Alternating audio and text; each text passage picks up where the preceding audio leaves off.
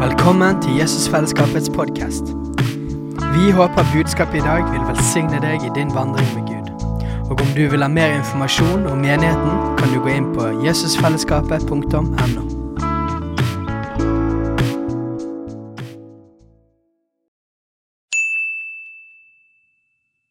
Hei!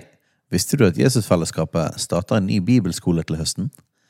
Den heter Jesusskolen og starter den 3. september. Gå inn på jesusskolen.no for mer informasjon.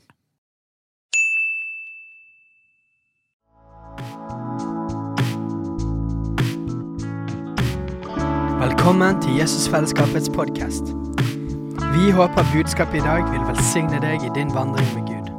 Og om du vil ha mer informasjon om menigheten, kan du gå inn på jesusfellesskapet.no.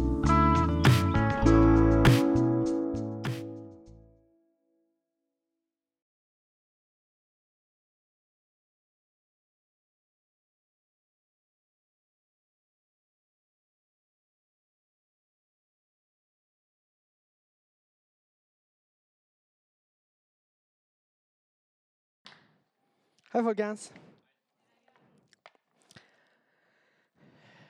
Shabba-rabba. hmm. Jeg har først av alt så har jeg bare lyst til å eh, si noe til, eh, til menigheten og til podkastverden, de som hører på. Eh, vi er så heldige som har de lovsangslederne vi har i menigheten vår. Er dere klar over det?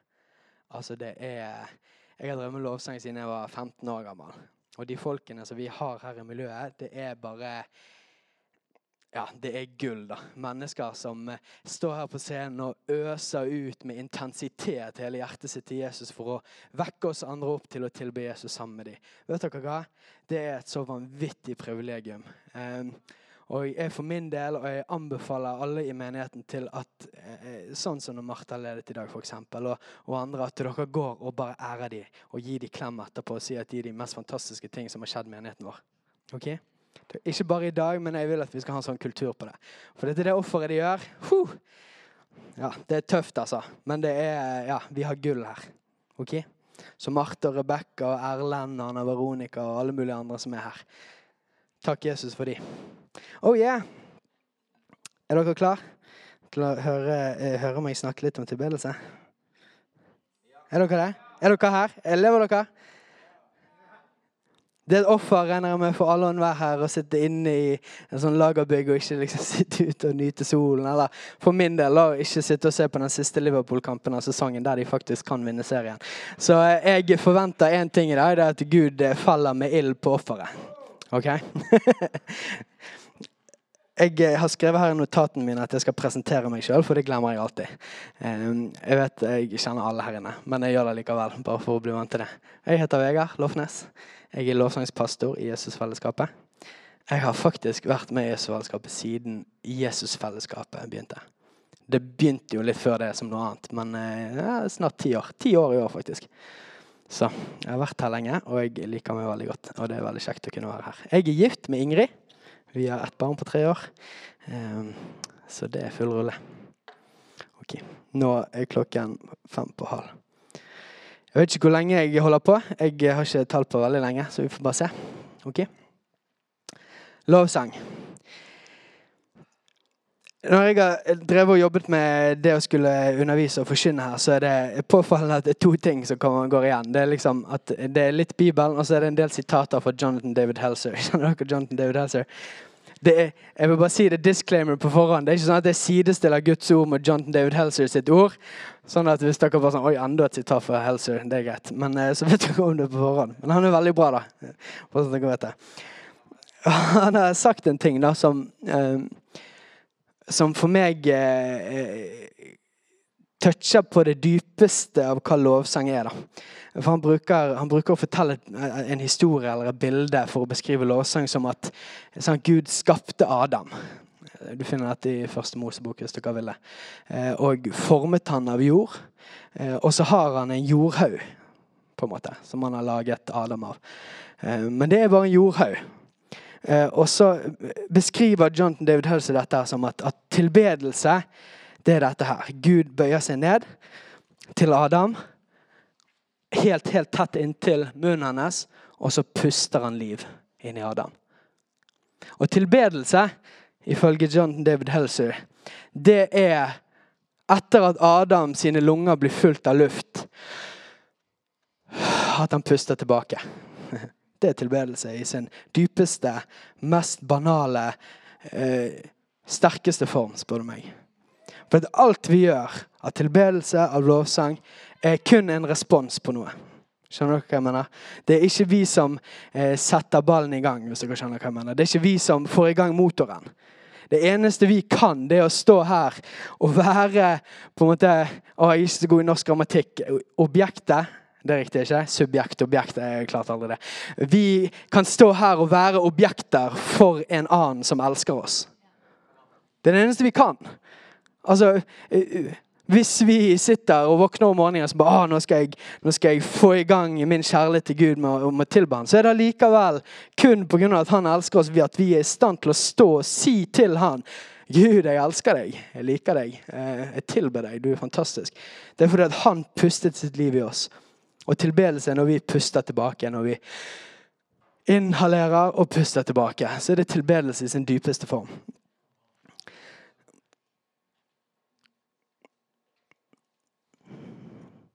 Hvis dere har Bibel, har dere Bibel? La oss bare gjøre dette legitimt, det jeg sier. Gir det, gir det litt grunn å stå på. Dette er ikke bare Jonathan Helsus sine ord og mine betraktninger. Bibelen sier noe om dette òg. Hvis dere går til 1. Johannes brev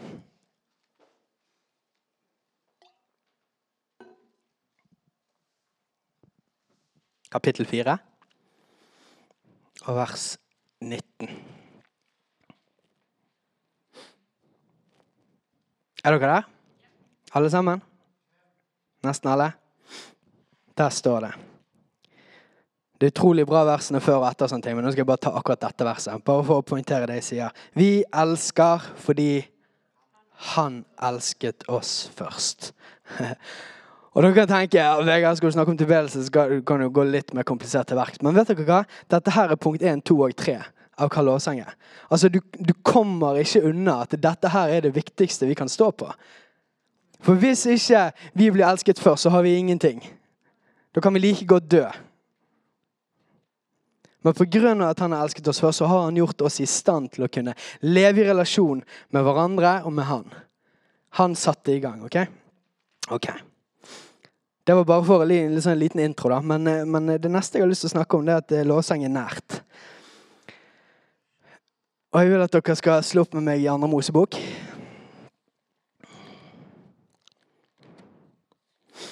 Andre Mosebok 33.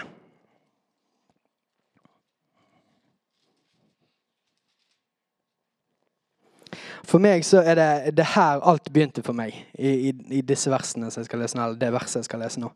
Um, I forhold til tilbedelse og i lovsang. da. Fordi at jeg hadde vokst opp i, i en karismatisk menighet, eller luthersk karismatisk menighet. Kristkirken, en fantastisk menighet.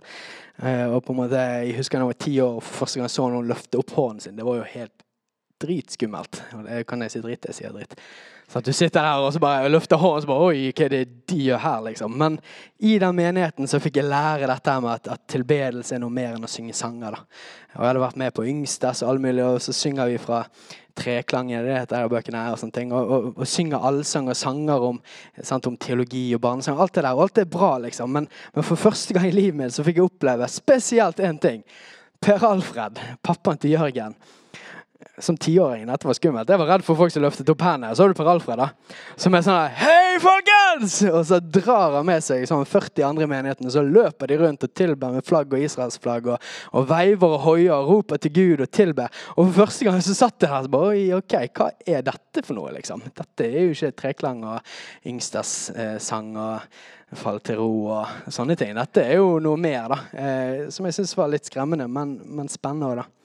Eh, og så, når jeg begynte i ungdomsmiljøet til Krishigen, Kanalu, som, eh, som 14-åring, 13-åring eller noe sånt, eh, så hadde de noe som heter ettermøter.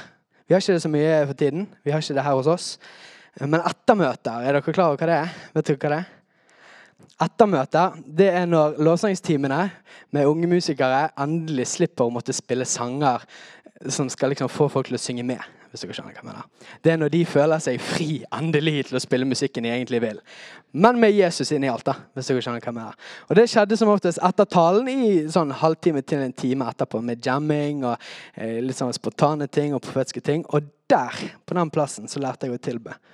Eh, for når jeg ble døpt i Den hellige ånd som 15-åring, så eh, mer enn noen ting så var det én ting som, som grep meg. Det var en lengsel etter at det må være noe mer. Det må være noe mer enn at jeg skal bare få til et eller annet kristent liv, eller liksom leve som pappa, eller liksom etterligne de. Liksom. Det må være noe mer. Det var lengselen som greip meg. da. Som gjør at på ettermøtene til Kanalun og alle mine venner, eller stort sett alle mine venner Og dette sier jeg ikke for å være from. Bare sånn at dere vet det. De som kjenner meg, vet at jeg er ekstremt udisiplinert. Så det handler ikke om at jeg var from eller disiplinert, men det handler om at det var en sånn lengsel i hjertet mitt etter at å, jeg må få møte deg, Gud. Jeg må få møte deg. Så når alle de andre vennene mine stakk ut i kafeteriaen og, og spiste kjeks og hang sammen og sånt, og Grandiosa, ikke minst. Ikke minst Grandiosa. Og jeg gjorde det, jeg òg. Men, men så ofte, ni av ti ganger, så var det en sånn lengsel i meg at jeg må, jeg må bli i dette rommet. Og jeg må søke inn til denne personen som griper meg. Skjønner dere hva jeg mener? Og på den plassen så viste han meg Han åpnet opp andre Mosebok 33,11. Og dette er verset. Og Herren talte til Moses ansikt til ansikt, som når en mann taler med sin neste. Så står det andre ting der, men det er ikke det jeg skal gå inn i. Og Herren talte til Moses ansikt til ansikt, når, som når en mann taler med sin neste. Og når jeg leste det verset, så knakk det hjertet mitt. Fordi at jeg skjønte at jeg kan få lov å leve sammen med Gud ansikt til ansikt og snakke med han sånn som jeg snakker med en venn. Og det forandret alt for meg. Og for alltid så har siden den gangen jeg virkelig forsto det og fikk oppleve det at han ikke bare var i rom, eller at han var et eller annet kosmos, eller en eller annen greie som på en eller annen eh, absurd måte ville ha noe med meg å gjøre gjennom evangeliet og Jesus og alle sånne ting. For første gang så forsto jeg at, at Gud var en person. Gud var ikke en, en, tanke eller en teori, han var en person som ville møte med meg ansikt til ansikt. Og på den plassen, da Så ødelagte han meg for alltid i lovsangene til å bare synge sanger. Hvis dere skjønner hva jeg mener. Og jeg har ingenting imot å synge sanger. Jeg liker musikk veldig godt. Men derfor ble det i lovsangsettingene og på Kanalu-møtene vi hadde, og på gudstjenesten og sånne ting, at hvis vi ikke går lengre inn enn at vi, vi sammen synger noen sanger i allsang, så, så gidder ikke jeg å være med på det. Hvis dere skjønner hva jeg mener. Og det er ikke for å si shame på noen andre. eller ingenting sånt. Det handler ikke om det i det hele tatt, men det handler om en sånn dyp dyp lengsel i meg. At hei, her står vi liksom 100-200 stykker. Eller hvis du var på, eh, hadde sånne ungdomsarrangementer på Grieghallen med liksom 1000 ungdommer, så står vi der 1000 stykker, og så synger vi noen fine sanger, men så kan vi få møte Gud person Gud, og så tar ikke vi det seriøst nok til at vi er villige til å, å slippe alt annet. Skjønner dere hva jeg mener? Og Dette er som sagt ikke for å throw ikke i det hele tatt, men jeg bare er så overbevist om at Gud har så mye mer for oss.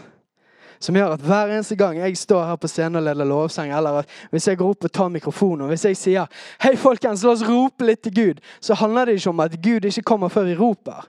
Det handler om at vi står, og noen ganger, og jeg opplever det selv i mitt eget liv, så kan man på en måte bli døyvet litt ned i sansene våre. At vi står der, og så er vi med på en eller annen sånn, vi synger noen sanger og sånne ting. Men vi trenger å få en sånn åpenbaring i livene våre på at vi kan få møte personen Jesus hver eneste gang vi søker han. Skjønner dere hva jeg mener? Så når vi står her, når vi liksom fyrer opp eller sånn, å folkens, løft hendene deres til Jesus, kom, la oss gå lenger inn, så handler det om at vi må riste oss sjøl våkne. Fordi at Den hellige ånd gjør det allerede. Men å, å på lag med Den hellige ånd gå inn til et sted dypere i relasjonen vår med Gud, og kollektivt til å tilbe Han som en person.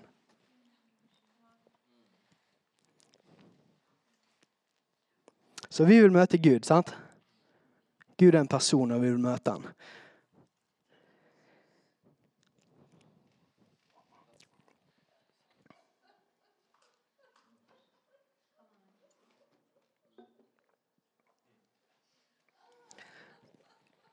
Tror det er noen måneder siden så, så snakket Steinar om, om Guds nærvær. Um, og da touchet jeg så vidt inne på noe etterpå.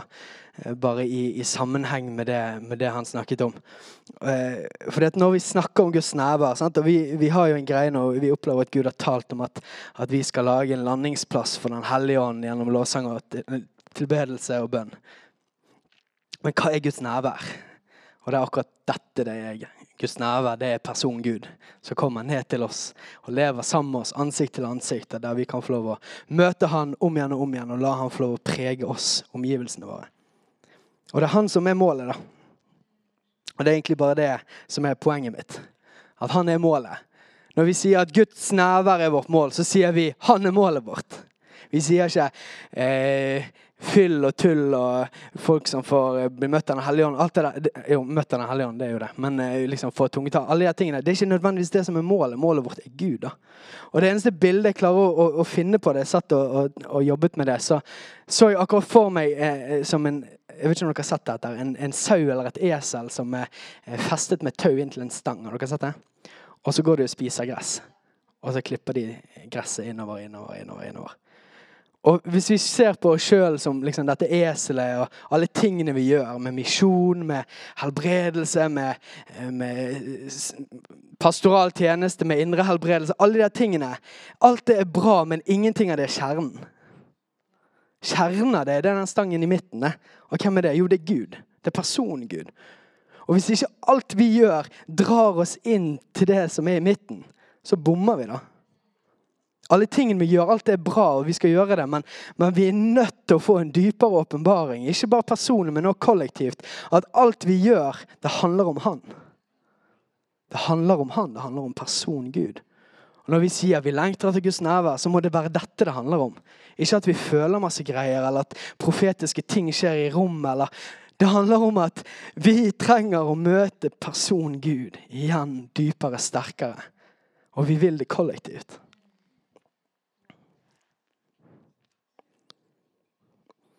Og På samme måte som sånn forkynnelse og undervisning det, det, har utrolig viktige funksjoner. Det er kjempeviktig. Sant? Det står at, at, troen kommer av forkynnelsen. står det i Guds ord. Altså, Vi tror på det. Det er kjempeviktig. Men på samme måte har òg lovsang en funksjon. Hvis ikke lovsangen har en funksjon, hvorfor gjør vi det da? Det Koselig program, liksom. Eller koselige ting vi gjør sammen fordi vi liker musikk. Nei, nei det er ikke det. Lovsangen har en funksjon, og, og, lovsangen har den funksjonen at det skal dra oss inn. Det skal dra oss inn, lenger inn til Han. Det er det målet vårt er. Lenger inn til Han.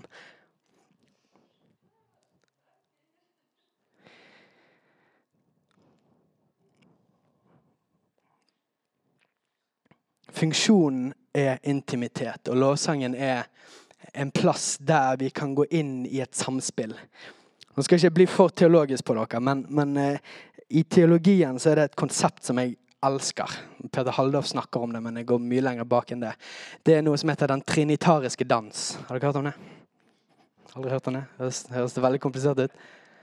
Trinitariske dans. Trinitarisk, altså eh, treenigheten går det på. Trinity. Eh, og den trinitariske dans handler om et bilde på at, at Gud, Far, Helligånd og Jesus sønn. En god måte å kunne beskrive guddommen som én og tre samtidig, er at de er som i et dans. De er i et samspill, de er en dynamikk med hverandre. Og spør du meg, så er noe av det viktigste vi kan gjøre i lovsangen, at vi står her og så hopper vi litt inn i den dansen, og så begynner vi å joine de. I et samspill med Helligånden, med Gud far og Jesus. Og så får vi være på den plassen av dynamikk, av, av dans, av relasjon og så blir vi kjent med han der.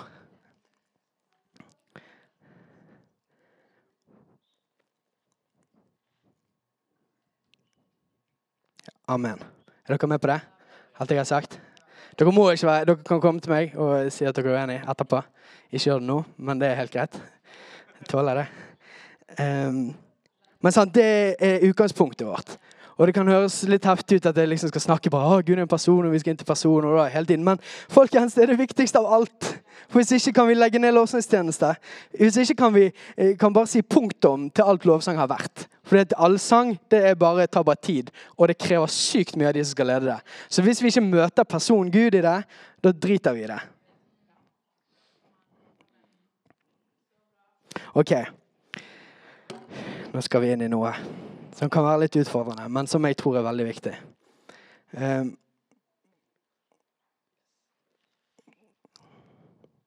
Når vi leser eksempler i Bibelen på tilbedelse, gjerne i salmene, ofte i Gamle Testamentet, det skjer i Nytestamentet òg, men Gamle Testamentet gir oss utrolig mange eksempler på konkrete situasjoner av tilbedelse. Skjønner du hva jeg mener?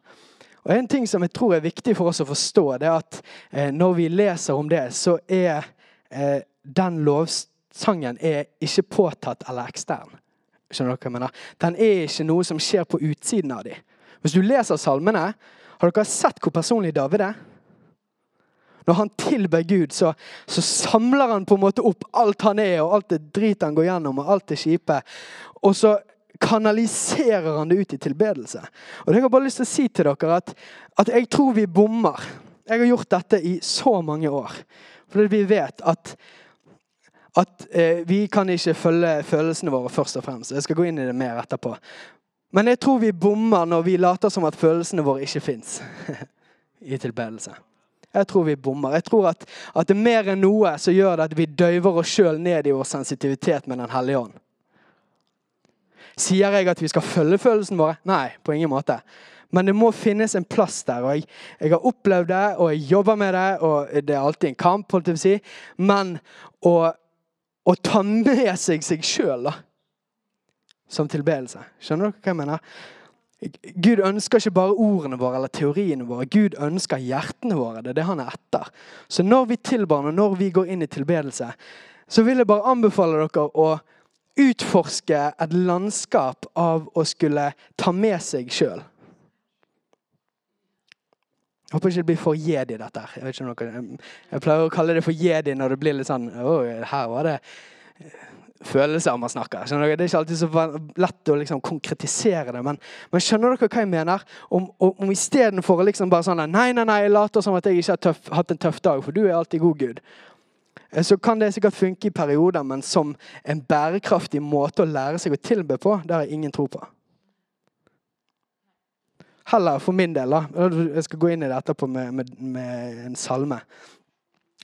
Eh, så, så, er det sånn at eh, hvis jeg kan komme inn for Gud og være dønn ærlig og si Gud, vet du hva? Jeg har det skikkelig tøft nå. Og jeg sliter med å fokusere på deg. Jeg klarer ikke å løfte blikket mitt. Men jeg bestemmer meg for, og jeg velger, at jeg vil komme inn for deg og gi deg tilbedelse. Og gi deg en respons på det jeg vet er sant, på tross av det jeg føler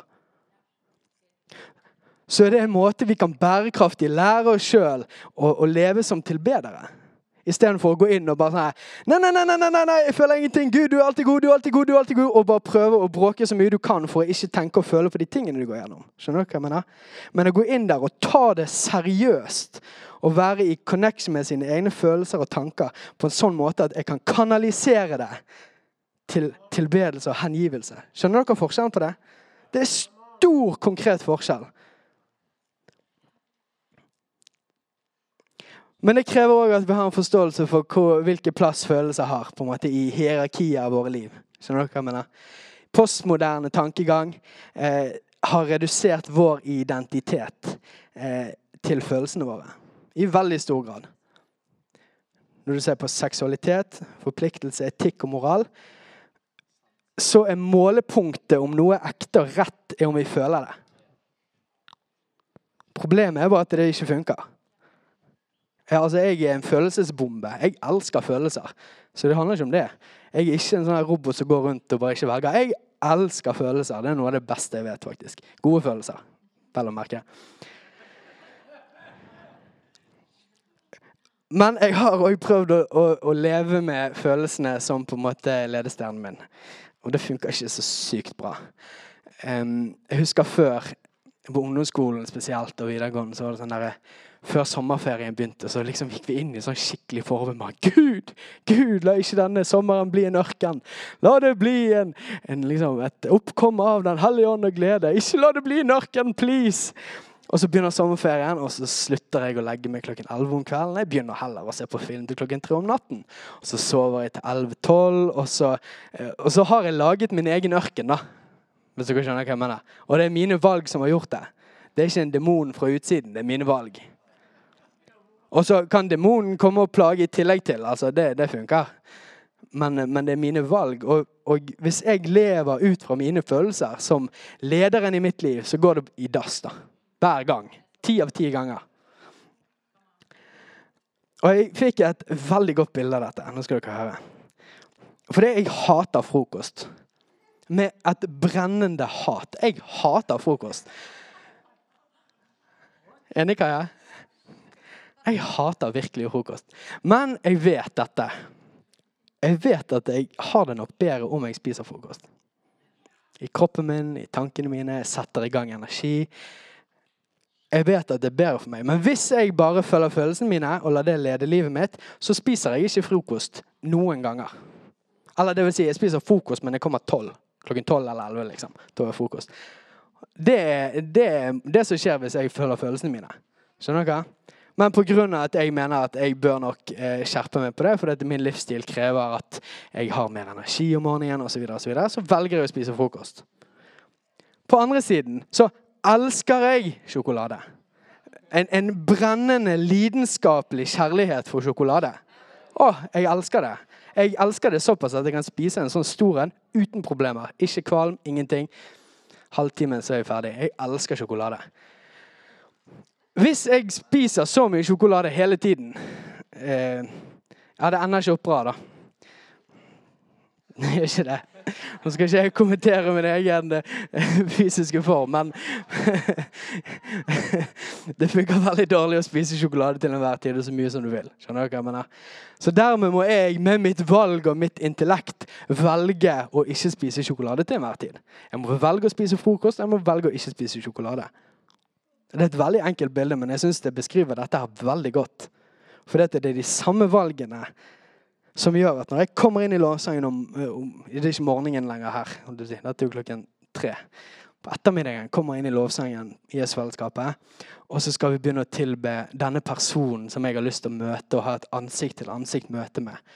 Hvis jeg kommer inn der og så bare sånn ah, Jeg føler bare ikke for å gjøre det jeg trenger å gjøre for å komme inn og være i connection med hjertet mitt.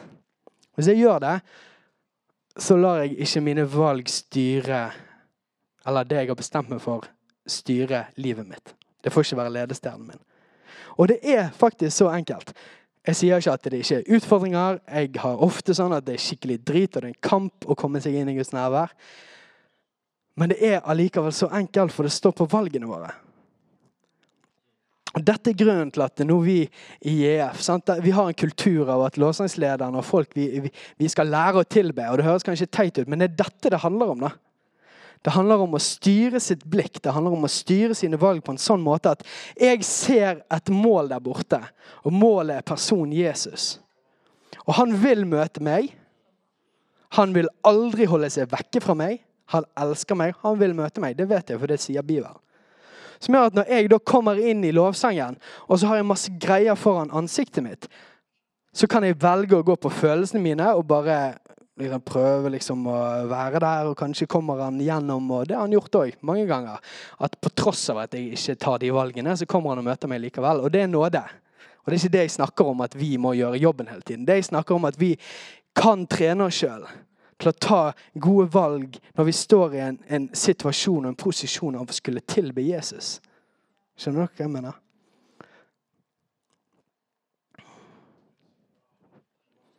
Ok, Skal vi gå inn i Salme 42 litt?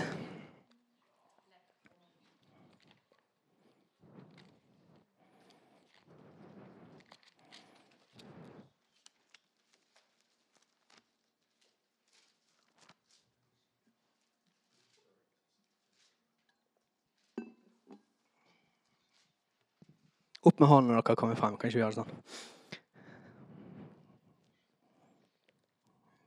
Good, good, good. Nå skal vi gjøre noe jeg synes vi gjør Nei, vi gjør ikke for lite, men vi kan godt gjøre det mer. Dette skal faktisk lese en hel, et helt stykke Bibelen. Bibelen er bra. OK, er dere klare? til sangmesteren en læresalme av Koras barn. Som en hjort skriker etter rennende bekker, slik skriker min sjel etter deg, Gud. Min sjel tørster etter Gud, etter den levende Gud. Når skal jeg komme og tre fram for Guds åsyn? Mine tårer er min mat dag og natt, fordi man hele dagen sier til meg, hvor er din Gud?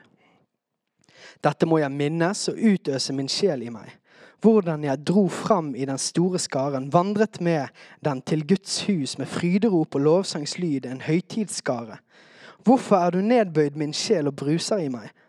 Vent på Gud, for ennå skal jeg prise ham for frelse for hans åsyn. Min Gud, min sjel er nedbøyd i meg. Derfor kommer jeg deg i hu fra Jordans land og Hermons høyder, fra det lille fjellet. Dyp kaller på dyp ved lyden av dine fossefall. Alle dine brenninger og dine bølger går over meg. Om dagen sender Herren sin miskunn, om natten er han sang hos meg. Bønn til min livs Gud. Jeg må si til Gud, min klippe, hvorfor har du glemt meg? Hvorfor skal jeg gå i sørgeklær mens fienden undertrykker meg? Det er som om mine ben blir knust, og når mine fiender håner meg, når de hele dagen sier til meg, hvor er din Gud? Hvorfor er du nedbøyd, min sjel, hvorfor bruser du i meg? Sett ditt håp til Gud. Jeg skal ennå prise ham, mitt åsyns frelse og min Gud. Det jeg har lyst til å bare illustrere med den salmen, da, det er denne dynamikken som jeg snakker om. For Veldig ofte så tror jeg at vi tolker David og andre salmister til at de på en måte samler opp de kjipe tingene i livet sitt, og så sier de, kommer det et brudd der de sier 'Men Gud, jeg vil tilbe deg'. Og alle sånne ting. Og det skjer mange ganger. Men jeg tror vi bommer, som jeg sa i sted, hvis vi tror at det betyr at de bare lister opp masse ting og spør, men det bare glemmer jeg. Det ligger bare bak fordi at nå later jeg som ingenting og tilber deg, Gud. For det er ingen steder det som står. Og hvis dere ser her, da, i Salme 42, så er det sånn hvert tredje vers så bytter han. Det er sånn Å, Gud, jeg vet at jeg vil tilbe deg, jeg husker det. Men å, det er skikkelig tøft. Å, men Gud, jeg tilber deg. Å, jeg har det tøft, men jeg tilber deg, Gud. Og det er den dynamikken der det er liv for oss, da. Hvis vi skjønner at vi ikke skal eh, liksom late som at alt er bra hele tiden. Men det kan ikke få oss til å ikke gå inn til han likevel. Men vi må ta det med oss inn og, og søke han og tilbe han på tross av følelsene våre. Men de er der for de om. Skjønner dere hva jeg mener? Når vi sier på tross av følelsene, så er det jo på tross av pga. at det er noe der. Skjønner dere hva jeg mener?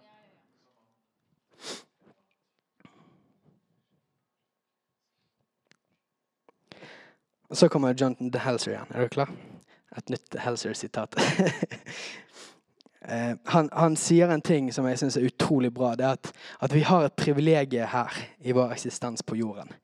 Det at her kan vi oppleve smerte, konsekvensen av synd, men vi kan få lov å tilbe ham på tross av det. Det kommer vi ikke til å kunne gjøre i evigheten. Når vi kommer til himmelen, så kommer det ikke til å være en tåre der. Vi kommer ikke til å oppleve smerte, vi kommer ikke til å oppleve konsekvensen av synd.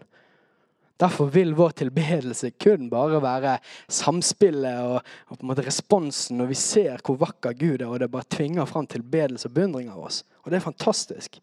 Men her på jorden så får vi lov til å sitte og ha skikkelig ræva dager. Sorry, podkastverden og alle sammen, at jeg, jeg bruker drit og ræva så mye. Men, men dere skjønner hva jeg mener. Vi kan ha utrolig tøffe dager. Og så kan vi få lov å gi han et offer av vår tilbedelse.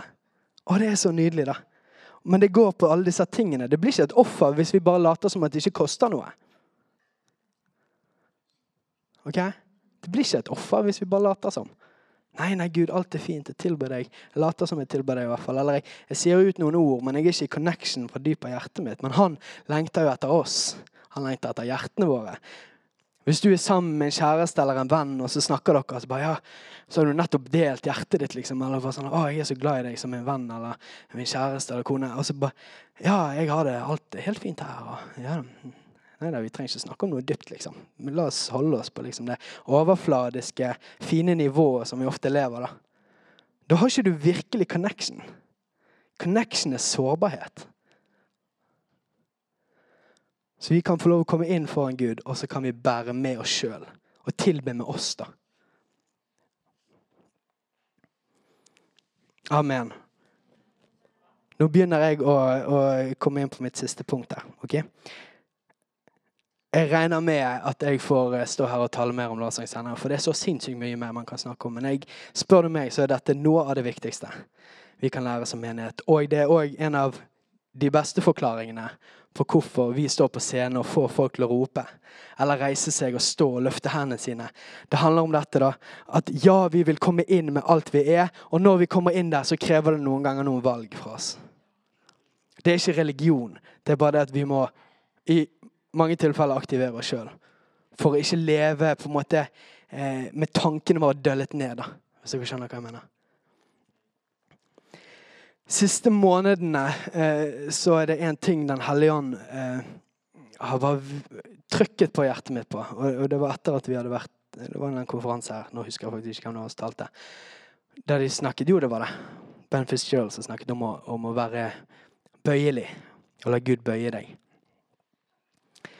Og, og, eh, og, Gud har bare talt sånn til meg at hver gang jeg er innenfor han i bønn og i tilbedelse, og sånne ting, så det er liksom bønnen min. da, bare sånn, Gud, bøy meg. Bøy hjertet mitt. Bøy meg. Jeg vil, jeg vil følge deg, og jeg vil ha et hjerte som er bøyd, som er mykt, som er formbart av Han. Og Her kommer det siste Jonathan Delser, Helser, eh, sitatet.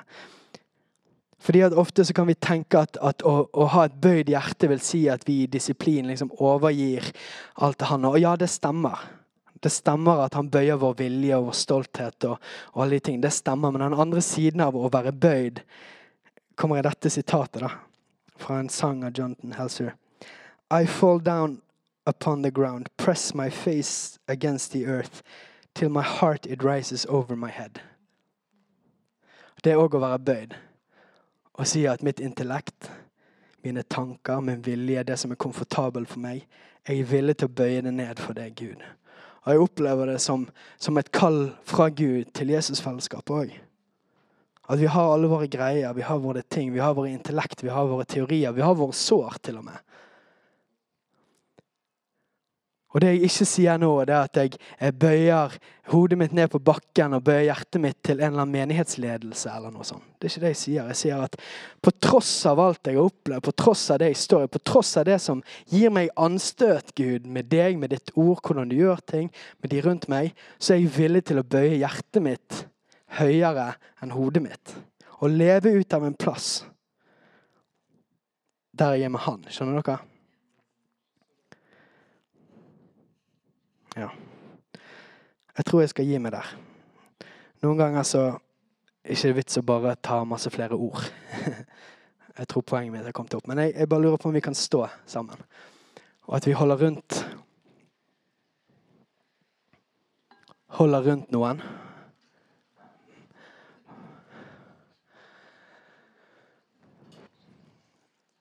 Og så vil jeg at vi skal, med stemmene våre, med ordene våre, eh, be for hverandre om at, at Gud skal bøye hjertene våre og dra oss inn på en dypere plass av tilbedelse. Skal vi gjøre det?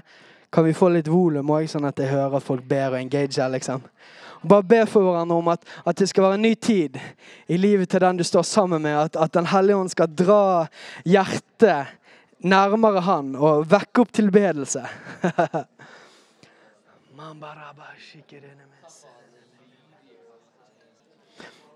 Helligånd, vi ber om at du skal i tiden fremover nå, at du skal vekke opp våre hjerter, Herre. Du skal vekke opp tilbedelse i oss, men mer enn noe at du skal skape og, og, og forme våre hjerter på en sånn måte at vi kan få lov å ha en lengsel etter å møte deg ansikt til ansikt, Herre. Vi ber om at vi i tilbedelser, gjennom bønn, Herre, i livene våre med deg, at vi skal få leve av en plass av intimitet, Jesus. Vi lengter etter mer, Jesus. Og jeg ber deg, Hellige Ånd, om at du kommer og, og griper oss igjen, Herre. Med den kjærligheten og den lengselen du har etter oss, Herre. Og jeg ber om at du former oss og tar oss i skole, Herre, på å være tilbedere i ånd og sannhet, Herre.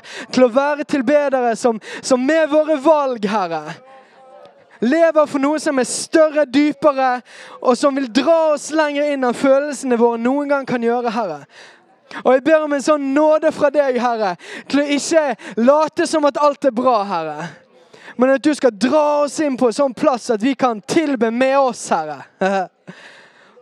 med alt vi er og alt vi har. Men Jesus, at du skal dra oss inn, Herre, til å ikke leve passivt, Gud. Jesu Kristi navn. Jesu Kristi navn. Amen. Hei, alle sammen. Det er Katrine og Steinar Lofnes her. Vi er hovedledere for Jesusfellesskapet. Så kjekt du har lyttet til denne podkasten. Har du forresten hørt noen av de andre podkastene våre? Ukens tale, Disippelskolen, Hyrdepodden, Kulturkrigen og Mammas hjerte. Du finner disse podkastene på Spotify, Apple Podkaster og på nettsiden vår jesusfellesskapet.no.